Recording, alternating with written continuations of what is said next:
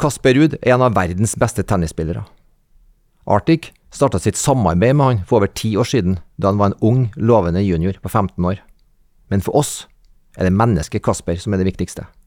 Jordnær, reflektert og målretta. Velkommen til vår julespesial. Mitt navn er Runar Mæland. Det her er Arctic-podden. Året 2023 er i ferd med å ebbe ut. Det gjøres klart til årsavslutning og høytid, men det blir jo ikke ordentlig julestemning hos oss før vi har fått besøk av en av våre eminente Arctic-ambassadører. Og i år, som i fjor, så er det Kasper Ruud som har tatt turen til studio. Ja. Og så har jeg også fått med meg sjefen vår, Mats Iversen. Velkommen til dere begge. Takk skal du ha. Takk, takk. Du Kasper, stiller det første spørsmål til deg. Hvordan har året 2023 vært for deg? Kan du ikke oppsummere det? Det var en fantastisk uh, vår i Paris.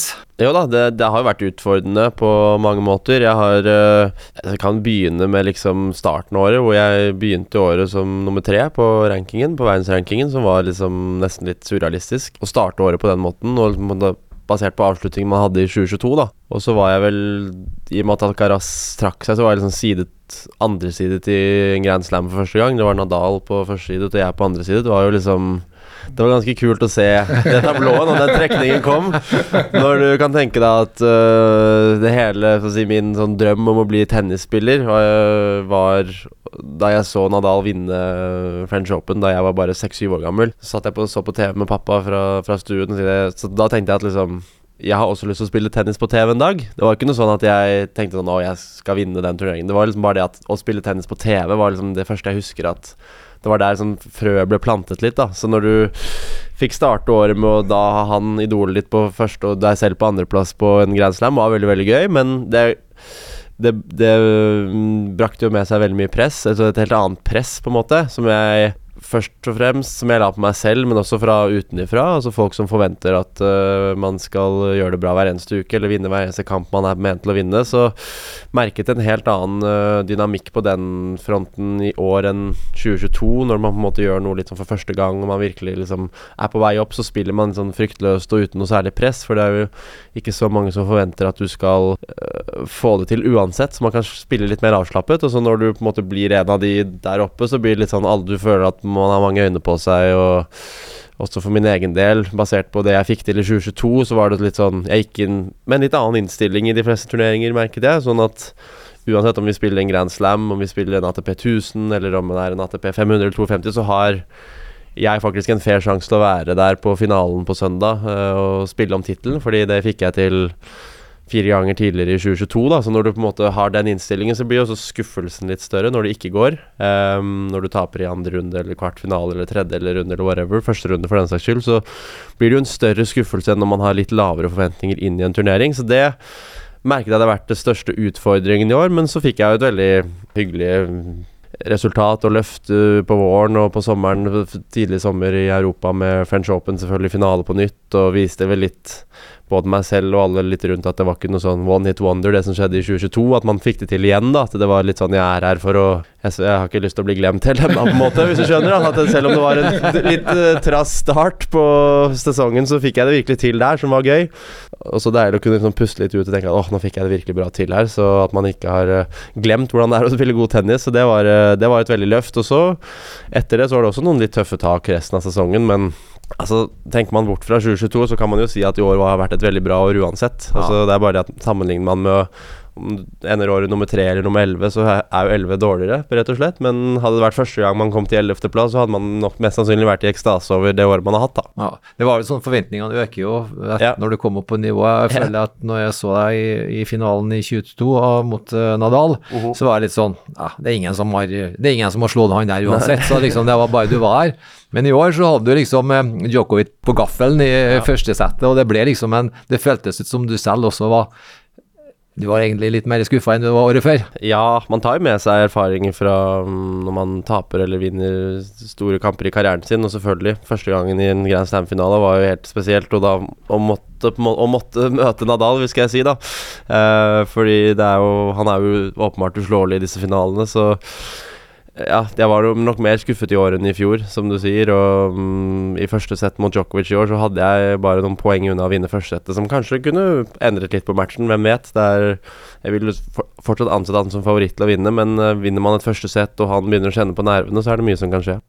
Du Mats, jeg syns det er fantastisk å sitte her og snakke med en av verdens største idrettsstjerner innenfor en av de største idrettene i verden. Men uh, han var bare 15 år når han kom hit, og du innleda og Arctic innleda et samarbeid med, med Kasper. Mm.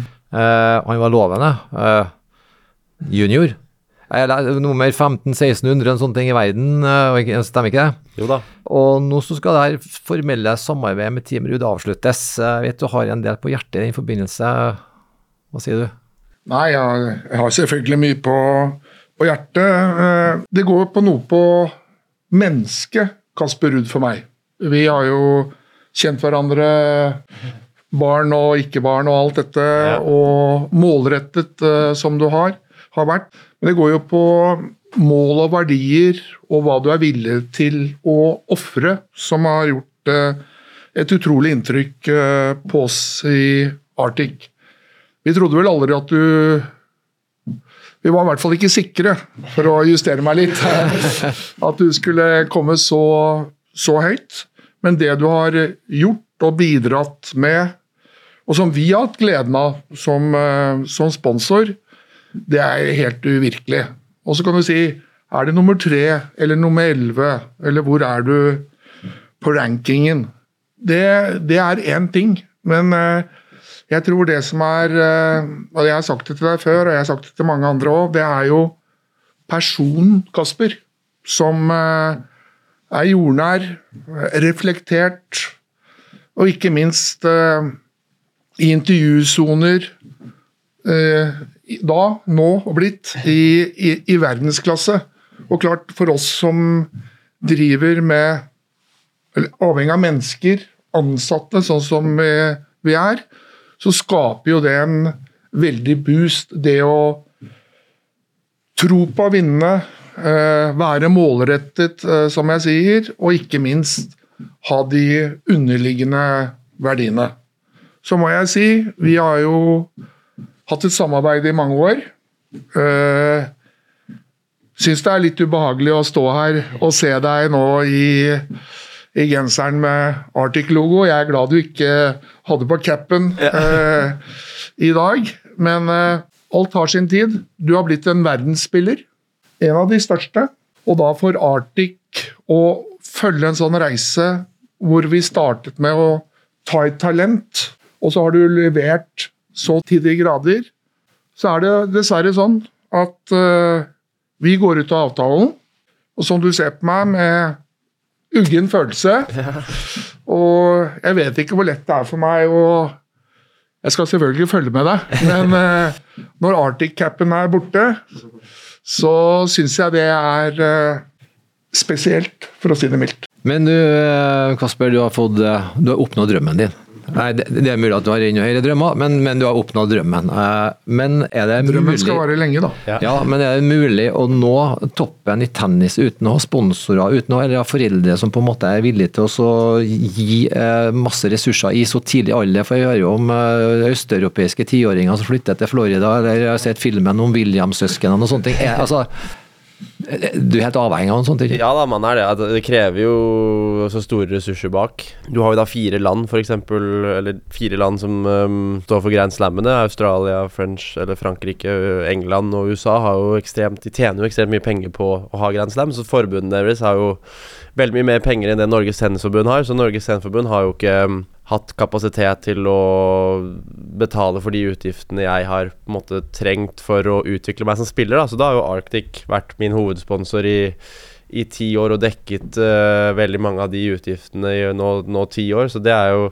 ekstremt uh, takknemlig for. Uh, og og de som, ja, som på en måte turte å, å satse på de De turte å satse, de òg. Det var ikke bare jeg som skulle satse på å bli proff. De satset jo på meg litt, og turte å, å tro på at uh, dette kunne være noe som ble, ble, et kult samarbeid. Og ja, uh, til slutt så står vi her og kanskje oppnådde sammen det, det, vi drømte om, eller det vi satset på da vi på en måte inngikk et samarbeid. Og så uh, Men ja, man, man, man, trenger ressurser i ryggen, altså, og man trenger jeg tror i hvert fall man trenger i hvert fall én person som på en måte holder deg målrettet og litt sånn i skinnet, egentlig. I hvert fall spesielt gjennom ungdomstiden, fordi ungdomstid så er det mye annet spennende som skjer, og man på en måte utvikler seg, og man kommer i pubertet, og det er mye annet som er spennende, da, når man bare tenker på sånn hva som skjer i, gjennom et liv. Så da har jeg vært heldig som har hatt faren min på en måte som har eh, Jeg skal ikke si holdt meg i skinnet, men på en måte lært meg Holdt fokuset, kanskje? Ja, holdt fokuset på riktig sted, da. Um, vært ja, streng til tider på å være for sosial og dra ut på fest og prøve alkohol og sånne ting, som på en måte er en stor del av uh, ungdomstiden, som jeg mange ofte spør meg Å, føler du har ofret noe fordi du gikk glipp av det, men for min del så har det vært liksom, Det har egentlig ikke vært et offer i det hele tatt, for jeg har fått opplevd veldig mye annet gøy, og jeg har fått uh, reise verden rundt og representere på en måte meg selv, men også da i mange store kamper også hatt Arctic-logoen på brystet og på pannebåndet og armen, så det har vært liksom Det har ikke vært noe offer langs veien for min del, og jeg har hatt øh, det veldig gøy på den reisen, så mm, som, tilbake til spørsmålet ditt, herregud, det, det kreves ressurser og noen som er villig til å betale for utgiftene, rett og slett. Da. Det er jo sånn, sånn funker det i verden. Det er, man kommer jo ikke noe sted uten, uh, uten det, i hvert fall i tennisverdenen, uten noen som betaler regningene dine. Det er, koster, man skal ha en trener, man skal betale hans utgifter, du skal betale dine egne utgifter, du skal spise mat, fly rundt og holde på. Så det er uh, det, det, det, det koster penger å bli proff, rett og slett. Vi ser det jo på TV-en når det er kamp, eh, men alt som foregår, trening eh, i periodene hvordan er, hvordan er en dag, en treningsdag for en uh, verdensklasse te- tennisspiller? Hvordan er en treningsuke? For, forklar oss Ja da. vidt der. Det, er det er mange som ikke kjenner til. Ja, nå er jeg jo i en treningsperiode, så nå mm, Nå står du opp, og hva, hva gjør Ja, du? de siste dagene Jeg kan gå gjennom en hel dag hvis du vil. Ja. De fleste dagene ser ganske like ut. Jeg pleier å stå opp eh, sånn ca. kvart over sju. Eh, så jeg liker å ha god tid på morgenen, så jeg liker å sette av en god frokost og på en måte gjøre meg klar på dagen. Og så er jeg på tennisanlegget fra klokken ni, og så bruker jeg en time på å tape litt ting som trenger å tapes og varme opp kroppen. Uh, mobilitet og tøying og sånne ting for at kroppen er klar. Og så fra ti til ca. halv ett så spiller jeg tennis, og så dusjer jeg, spiser litt lunsj, og så fra halv tre til halv fem så mm, trener jeg fysisk. Altså styrke, løping, altså alt ut fra du Tennis så kan du ikke bare bli god, sterk i benkpress. Du må være sterk i beina, og du må kunne løpe, og du må kunne være smidig og utholdende og alt mulig. Så det er mye forskjellig styrketrening fra en dag til annen. Og så etter det, da, fra sånn ca. fem til halv syv-syv-tiden, så er det, mm, får jeg en, en god behandling, da, altså massasje. Og om noe har vondt eller verker i kroppen, så tar man seg av det på slutten av dagen. Og så er det jo middag, og så se en serie eller film, og så legge seg, og så ny dag, da. Så det er Ja. det som på en måte er en sånn treningsdagperiode. Det er jo en lang eh, arbeidsdag. Ja, da, det er jo fra ni til syv cirka. Da. Så det er ganske lang arbeidsdag. Men det jo, gjør jo ting jeg syns er gøy, da. Så det er klart øh, det, det er morsomt fordi noen Noen få dager i løpet av et år så tenker jeg sånn åh, no, det hadde vært deilig å bare liksom sitte på et kontor fra ni til fem i dag. Fordi man er mye i aktivitet, og man bruker kroppen mye, og man øh, pusher seg selv og pusher grensene litt, spesielt i den perioden her. Men uh, jeg er veldig på en måte glad for øh, den arbeidsplassen jeg har, og kunne gå til jobb da, rett og slett hver dag, og så kunne gjøre og være fysisk aktivitet. Trener du da på Oslo Tennisarena, eller? Ja. På tennis så trener på Oslo Tennisarena fra ti til halv ett cirka hver dag. Og fys? Fys er jo på Olympiatoppen som Ja. regel. Ja. Så jeg har øh, ja, bra, bra opplegg her nå, så det har vært en bra Nå hadde jeg siste dag øh, Siste dag med liksom offisiell treningsperiode her hjemme i Norge i dag. Jeg avsluttet med en sånn VO2 Max eller O2-test oppe på Olympiatoppen nå før jeg kom hit, så for å se hvordan øh, lungekapasiteten var. Så det mm, Var det bra? Ja, det var, det var godkjent. Godkjente resultater. det er noe sånn skikkelig seigpining-test for å ta ut liksom alt du har, da. Men uh, nå reiser vi videre til uh, London i morgen, faktisk. Så skal jeg spille en oppvisningsturnering, sånn UTS-turnering, som faktisk kommer til Oslo i, i februar, på nyåret. Som vi skal spille på Telenor Arena.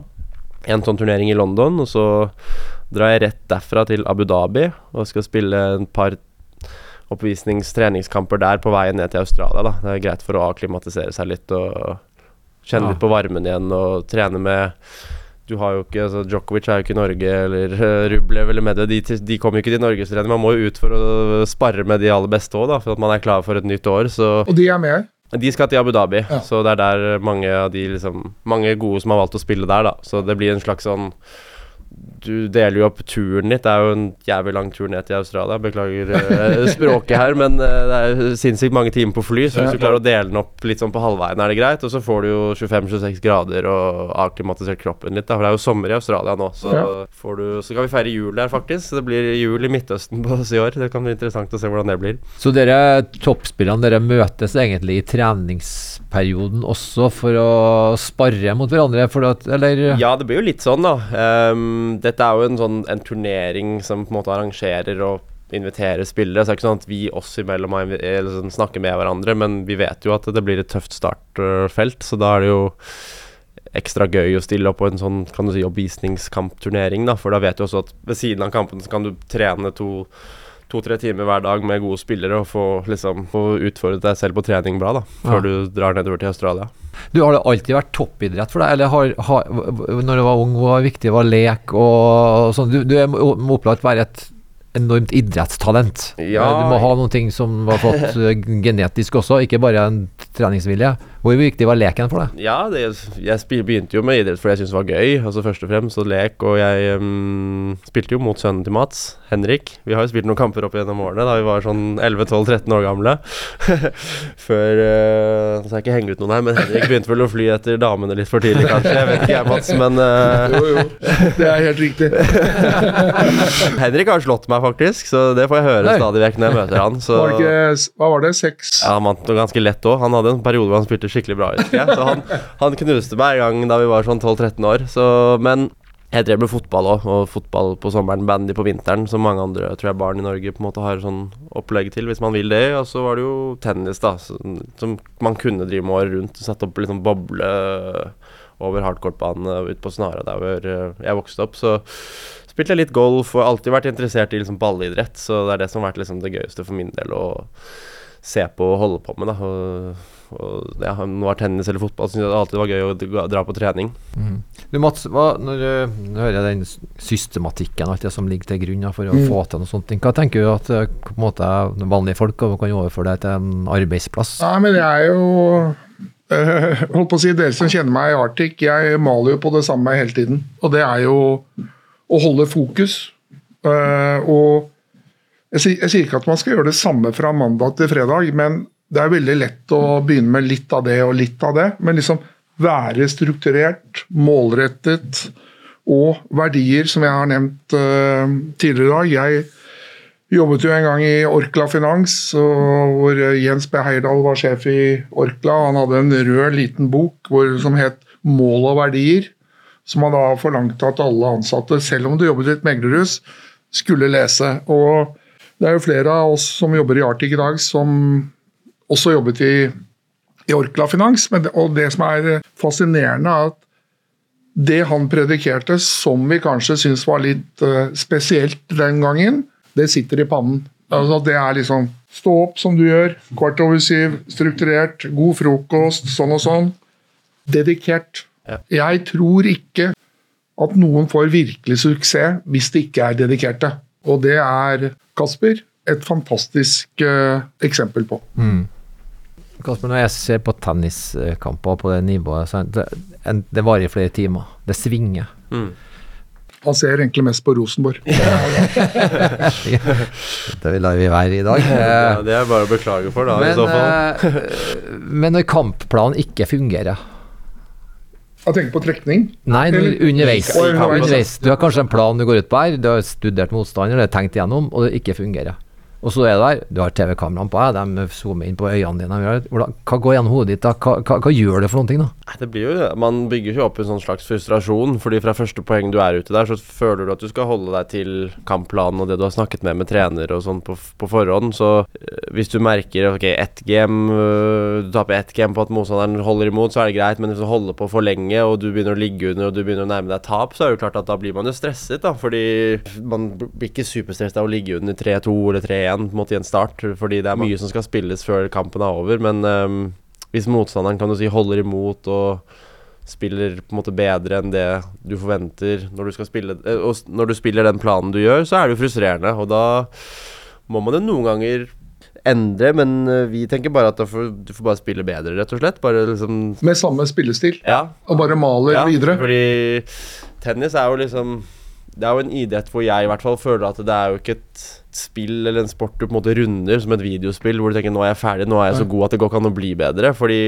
hvis du skal, bli, hvis du skal runde tennis, må du slå hvert eneste slag på linjen, da, men det er ingen som klarer det. ikke sant? Så man kan liksom alltid heve nivået litt og litt og litt og litt, og litt uansett om det noen ganger føles liksom vanskelig å gjøre det. Men noen ganger så blir bare mentaliteten og bare Ok, han spiller bra, du får spille bedre tilbake, da. Så fight fire with fire blir litt sånn mentaliteten at uh, i dag spiller han bedre deg, da får du steppe opp og øke intensiteten eller være mer presis med slagene dine eller serve bedre. Det er alltid ting man kan gjøre bedre som uh, kan gjøre at uh, motstanderen ikke knekker, men på en måte kan vise svakheter også, da. Men det er, det er frustrerende. Det er det mest frustrerende når du har laget en plan, og eh, basert på kanskje tidligere gang du møtte han, og det, det, gikk bra, og så gjør du det samme i dag, men så spiller han bedre denne gangen. Så det blir liksom sånn Det er vanskelig å gi et veldig bra svar på det, men um, det, er, det er, frustrerende, og det svinger jo hele tiden. Plutselig så ligger ja. du under, og så leder du, og så har du en sjanse til å ta ledelsen igjen. Så det er, eh, det er det som er gøy med tennis. Vi spiller jo ikke på ti, da, så det er jo ikke over før det er over, og siste ball skal slås. Men det som er eh, fascinerende med tennis, er jo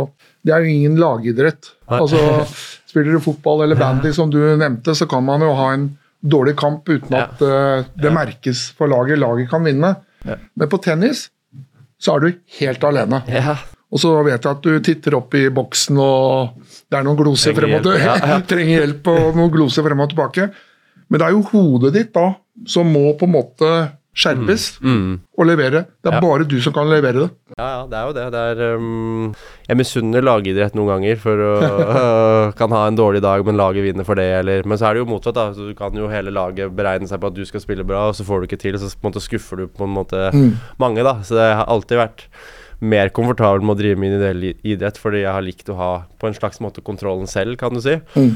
Og jeg blir jo noen ganger mer nervøs av å se på visse tenniskamper på TV enn å spille de selv. Fordi du liksom Du tenker sånn Faen, jeg skulle ønske jeg kunne vært der og gjort det og det og det. Når du ser på en kamp, hvis du ser på en Grand Slam-finale mellom Djokovic og Nadal Under oppveksten så var det sånn Det var jo mye spennende, eller Federer og Djokovic, og så heier man kanskje på en over den andre, og så tenker du fader man har jo ikke noe kontroll på hva Federer skal gjøre på det poenget her, selv om man har jo tillit til at han er så god som han er. Men det er noen ganger mer, det er nesten mer nervepirrende å se på noen ganger enn å spille selv. Fordi når du spiller selv, så har du i hvert fall Du har noe du skulle sagt i på en måte forhandlingene fram og tilbake, da. Så jeg har jo også medfølelse for de som må sitte og se på meg spille hele tiden. Jeg, det er vel ikke lenge før pappa begynner å bli grå i håret, tenker jeg. Og, men så, sånn sett så liker jeg å på en måte være der ute selv. Og ja, man blir nervøs uh, og vet jo fordi det betyr mye for deg når du er i, spiller de største poengene og største kampene. Så føler jeg i hvert fall at jeg har blitt såpass erfaren at jeg har lært meg å bli relativt komfortabel i den settingen. Da. Nå er det jo Runar som er vår uh, sportskommentator, uh, i hvert fall i dag, da, Runar. Men, men hvis du tar topp ti i verden, da. Ja. Topp elleve for den saks skyld, ikke misforstå. Men spillestilen, har det endret seg vesentlig med de nye de siste par-tre årene? Det synes jeg absolutt. Ja. Jeg synes de nye yngre spiller sånn veldig, veldig så kraftig. så ja. Hurtig. Ja. Fryktløst. De bare kliner til uh, uansett hva stillingen er. Altså den sånn gamle, tradisjonelle tennismentaliteten. Spesielt som du så liksom Borg, Villander altså, og ikke minst Nadal, var jo bare liksom slå ball etter ball etter ball inn og bare mate ja. ut motstanderen, da. Men uh, det har blitt et såpass måte, intenst uh, spill, og man har uh, blitt fysisk mye raskere og sterkere de siste 20 årene, helt siden Federer Nadal og Djokovic, da de kom på toren, så tok de liksom fysikken altså til et litt nytt nivå. Og så har jo vi yngre prøvd å liksom klare å matche det, da. Um, og tror jeg har forstått at uh, tennis er et spill som går liksom veldig fort igjen, uh, eh, syns jeg i hvert fall. Og folk kan slå vinnere fra hvor som helst og kline til og spille hurtig, men så er det jo det. Til syvende og sist så har jeg jo liksom en Føler meg jo også trygg på at jo færre feil du slår, jo bedre, på en måte. Når det virkelig knepper seg til, så er det lettere, da er det lettere å slå feil enn disse vinnerne på linjen, da. Men du ser jo sånn Alcaraz, Rune, Sinner, de som er liksom veldig unge nå, de spiller jo tøft og hurtig og mm, imponerende, rett og slett. Så man må jo holde, eller følge med. Man skal uh, klare å holde deg tett på de. Men har du under treningsoppkjøringen nå, da, har du gjort noen endringer i spillestilen, eller er du på det litt, samme? vi har trent mye innover i banen, volley. Prøve å komme fram på nett litt mer. Eh, Det er det man ser at liksom uh, Alcaraz, eksempel, som jeg syns er veldig kul å se på. Han er en sånn ekstremt atletisk fyr og stormer fram på nett og slår fine volleyer og kan liksom ha alle slag i boken. da Så jeg tror det at hvis du skal være med på det kjøret der de neste ti årene, så må man uh, beregne seg på å klare å komme litt mer inn i banen og klare å ikke minst bare hvis man spiller mot de, så blir man bare løpende bak hele tiden og forsvarer seg, men at man klarer å innimellom i hvert fall svare litt uh, på deres spill med sin, deres egen medisin, rett og slett, og bare prøve å ta litt ekstra tøffe sjanser. Men det er litt det når du 20 år kan du si av livet mitt hvor jeg har lært at man skal spille med toppspinn og inn og trygt og innenfor linjene, og så bare Det tar ikke bare to uker å endre på ting, det tar litt tid, da, så jeg tror neste år blir spennende. Jeg føler at jeg kan spille litt mer kan du si, fritt igjen, og ikke for uh, mye press på meg selv. Og prøve å utforske litt det og spille enda mer aggressivt. Gå for litt mer um, vinnerslag, rett og slett. Og komme fram og stresse motstanderne litt mer, da. For nå de siste året også, så har jeg følt at alle de jeg møter, spiller med en sånn øh, litt for liksom, ro og, og ikke minst lite press. De tenker at jeg kan gå ut og kline til fordi hvis jeg står og spiller ballveksling med Kasper, så kanskje mest sannsynlig så vinner Kasper de fleste ballvekslene til slutt, så jeg må finne på et eller annet. Jeg må komme på De må nett, jeg må stresse han, jeg må avbryte den rytmen som jeg liker å spille i. Og da, når du da i tillegg spiller som en hva si, dårligere rangert, da, så spiller man jo litt mer uten press, og du kan bare kline til, for det er ingen som forventer egentlig at du skal vinne den kampen uansett. Det er litt sånn jeg har følt det da, med motstanderne jeg spiller mot, som server og kommer fram på nett og spurter fram og stresser meg veldig. Så Neste år så er jeg jo sugen på å revansjere det og prøve å komme litt fram på nett selv. og ikke bare bli løpende og attakkert hele tiden, da. Men er ikke redd for at øh, da Du har jo dine styrker. At du da ikke forsøker nok å utvikle de, det du allerede er veldig god på. Du snakka om Rosenborg, godfotteorien, og nå har du SalMar også på De snakker ja, også mye om akkurat den. Jo da. Men, men godfoten er vel litt sliten nå. Ikke til Sandvar.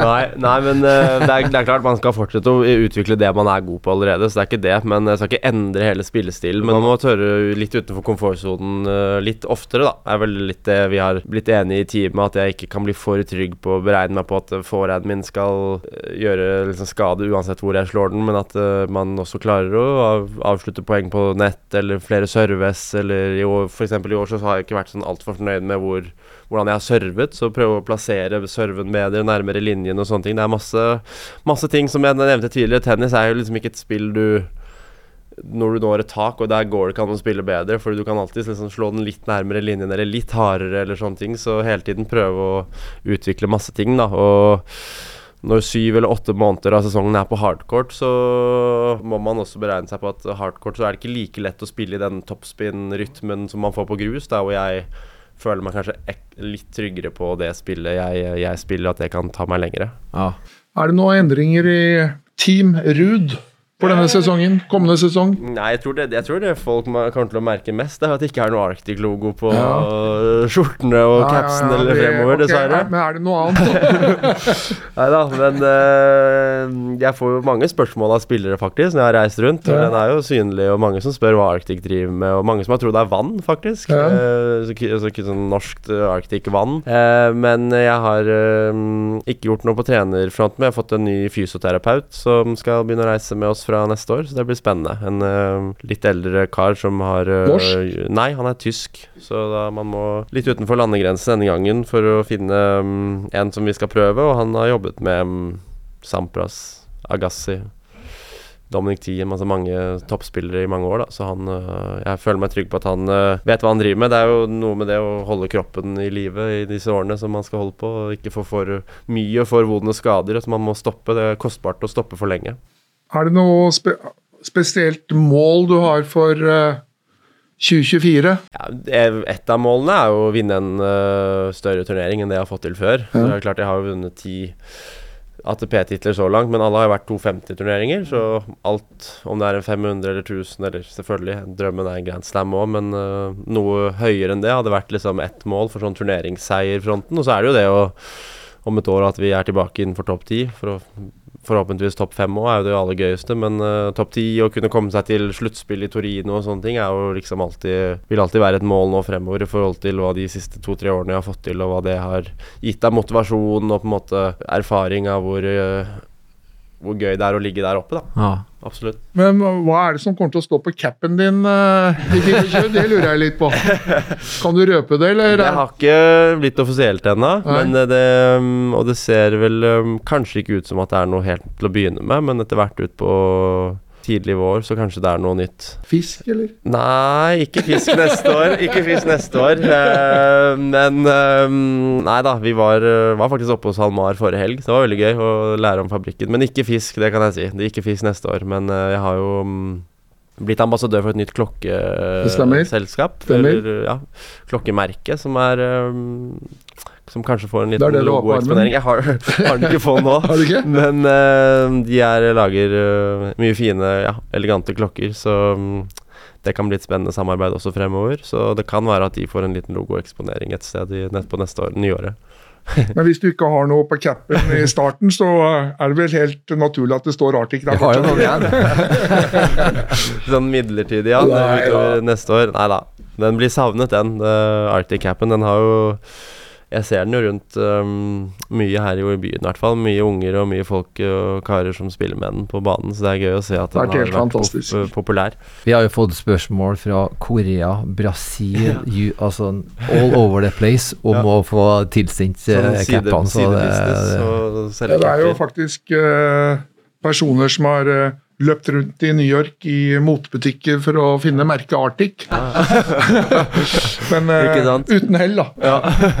Eh, Runar, jeg vet ikke. Er, jeg har et spørsmål, mer? jeg, ja, jeg har et spørsmål som jeg, har, jeg må stille. Og det er um, Tennis har jo vært dominert av du, Vi har jo nevnt toppspillerne. Det er tre spillere Ja. som har dominert så til de grader. Mm. Uh, Roger Federer, Rafa Nadal og, og Novak Djokovic. Og du Ja. har spilt mot alle sammen. Ja. Hvem syns du er den? Hvem rangerer du best, høyest? Hvem er den beste? Det vet jo jeg svaret på, men eh, ja, men det lurer jeg Jeg på. har jo fått mest, er vi uenige. Jeg har jo fått mest juling av Rafa, men jeg må jo helt ærlig innrømme at jeg syns jo det, det går ikke an å argumentere for at Djokovic er liksom blitt tidenes beste. Men så har du Fedra, som er liksom den vakreste å se på. Så det blir liksom helt umulig å uh, si hvem Alle har sin favoritt. Altså, jeg jeg rangerer din. Federer som det vakreste å se på, Nadal for den kuleste fordi han var mitt idol, og så Djokovic som ja, den som har vunnet mest nå, da. Så det blir liksom sånn Men det er blir helt enig at du sier. Det du sier, er jeg helt enig i. Ja, det har, har nok gjort mest inntrykk, kanskje, for folk rundt omkring i verden, fordi han fikk det til å se så enkelt ut. Ja. Og bare liksom Det så ut som han spilte bordtennis til tider, hvor lett det var. Og så har du Rafa, da, som har liksom gått ut mot til mange barn, så meg inkludert, med hvor liksom rå han var, og sånn fysisk sterk. Og så har du Djokovic, da, som har liksom en slags liksom blanding av de to, på en eller annen måte. Han har liksom tatt litt av begge og presset seg gjennom og liksom tatt over begge to, da. Som er uh, Man kan jo ikke gjøre noe annet enn å bøye seg i støvet og ta hatten. Men det er jo litt sånn mange som spør meg om det her, og så bruker jeg ofte referansen Du sammenligner med fotball, da, for mange som ser på fotball og følger med på fotball. Det er sånn Du kan tenke deg at det er egentlig det samme som at en Du har Messi og Ronaldo de siste 15-20 årene, så er det en som har kommet liksom bare mellom de og bare slått de, og det har ikke skjedd i fotball. Men du kan tenke deg, det er jo det egentlig Djokovic har gjort innenfor tennis, for du hadde jo da Ja. disse to som var liksom det nye og det ja. store, og så bare kom det en liten jævel gjennom der, holdt jeg på å si, og skviset begge til siden, så er helt En ekstremt. seig utgave òg. Ja, han gir seg aldri, ja. Det blir, det blir også et mål neste år, å slå han. Det, er- Ja, det- Nå er det på tide å ta han. Ja. Hva var din favoritt, Moss, av de tre? Du sa det var Eh, uenig. Nei, av av de fire så er det jo Kasper, Ja, ja. selvfølgelig. Men, eh, men jeg eh, Som Kasper var innom, stilen til eh, Federer, enkelheten han, har, han har en kropp som du ikke skulle tro, Nei, nei, nei. så det Helt vilt. er helt vilt. Ja, jeg er enig. Det, han fikk meg Vi vokste opp med Bjørn Borg og, Ja, ja. og McEnroe. Der. vi- Og så var det en periode tennis ble litt kjedelig. Men når Federer kom tilbake igjen, så ble det Ja, gøy å se ja, på igjen. ja, Og han gjorde det på en måte. Jeg tror jeg var veldig veldig mange som opplevde. Hva er planene dere Ja, du har fortalt oss du skulle feire jul i uh, Australia, så det er ikke så veldig lenge til det braker løs igjen. Nei. Men jeg tenkte å la Mats egentlig få siste, o- siste ord her. jeg, For at uh, det er litt Ja, da- jeg ser det på deg, du er litt emosjonell. Nei, nå, ja, eh, det, det, det ser vel eh, begge to. Men eh, jeg tror, eh, Kasper, at jeg vil eh, takke deg for en enorm reise. Ja, i like måte. Det har vært helt fantastisk for, eh, for Arctic. Og da gjentar jeg jo som jeg sa tidligere i dag, at det er personen, hvor målrettet du er, hvordan du oppfører deg, intervjusoner, som vi på en måte har hatt glede av å smitte tilbake til, eh, til Arctic. Så sa jeg vel også at uh, alle reiser tar vel egentlig sin slutt. Selv om det, som du merker på meg, ikke passer helt uh, optimalt. Men du har blitt en uh, verdensstjerne. Og det som var viktig når vi begynte med deg, da hadde vi et såkalt markedsføringsbudsjett hvor vi skulle jobbe med unge, unge talenter. Vi har selvfølgelig sklidd litt ut på det, men eh, fra Snarøya til eh, verdensstjerne og bli så moden og voksen og reflektert som du er nå, så tror jeg jeg sier på vegne av alle som har hatt gleden å være med oss på den reisen, så sier jeg bare tusen takk. Takk i like måte, Mats. Det var hyggelig, hyggelige ord. Vi, har, uh, vi, hadde jo en liten avslutningsmiddag uh, hvor Hilde kom da, var, uh, forrige uke, og jeg ble emosjonell selv. Ja. Altså, jeg, det, det, falt noen tårer, faktisk, når jeg skulle si ha det til um, Ja, når jeg gjør det igjen, da. Til Arctic og Hilde, ikke minst. Hilde har jo vært med på mange turneringer, så det var um, det føles veldig rart å fortsette uten dere. Men uh, dere får bare si fra om dere skal ha billetter, så får dere fortsatt det. holdt jeg på å si Det er kanskje ikke like mange fremover, men uh, Mats og hvem som helst skal få billetter. Don't worry, og jeg håper vi um, ses fremover. Og ja, jeg er jo kunde her også, så jeg, vi kommer til å ha noe med hverandre å gjøre fremover. Det er veldig hyggelig. Ja. Nei, jeg skal love deg at jeg kommer på kamp, selvfølgelig. Ja. Men jeg kommer da med Arctic Cup. Ja, det, det, skal du få lov til. Jeg kan ikke slutte med det. Det skal du få lov til, Mats. Vi er fans forever, evig, Kasper. Tusen takk. For nå, Lykke til uh, ut året og inn i, inn i det neste. Takk for nå. Tusen takk. This podcast has been prepared by Arctic for information purposes only. The information, opinions, and recommendations presented in this podcast are for general information only, and any reliance on the information provided in this podcast is done at your own risk. This podcast should not be considered professional advice. The information provided in this podcast is not intended to constitute investment advice, nor is the information intended as an offer or solicitation for the purchase or sale of any financial instrument. Relevant and specific professional advice should always be obtained before making any investment or credit decision. It is important to note that past performance is not indicative of future results. This podcast does not fulfill the criteria for preparing investment research and must be seen as marketing material. All information information submitted during this podcast is obtained from public sources that Arctic believes to be reliable, but which Arctic has not independently verified. Arctic makes no guarantee, representation, or warranty as to its accuracy or completeness. No liability whatsoever is accepted for any direct or indirect, including consequential, loss or expense arising from the use of information from this podcast.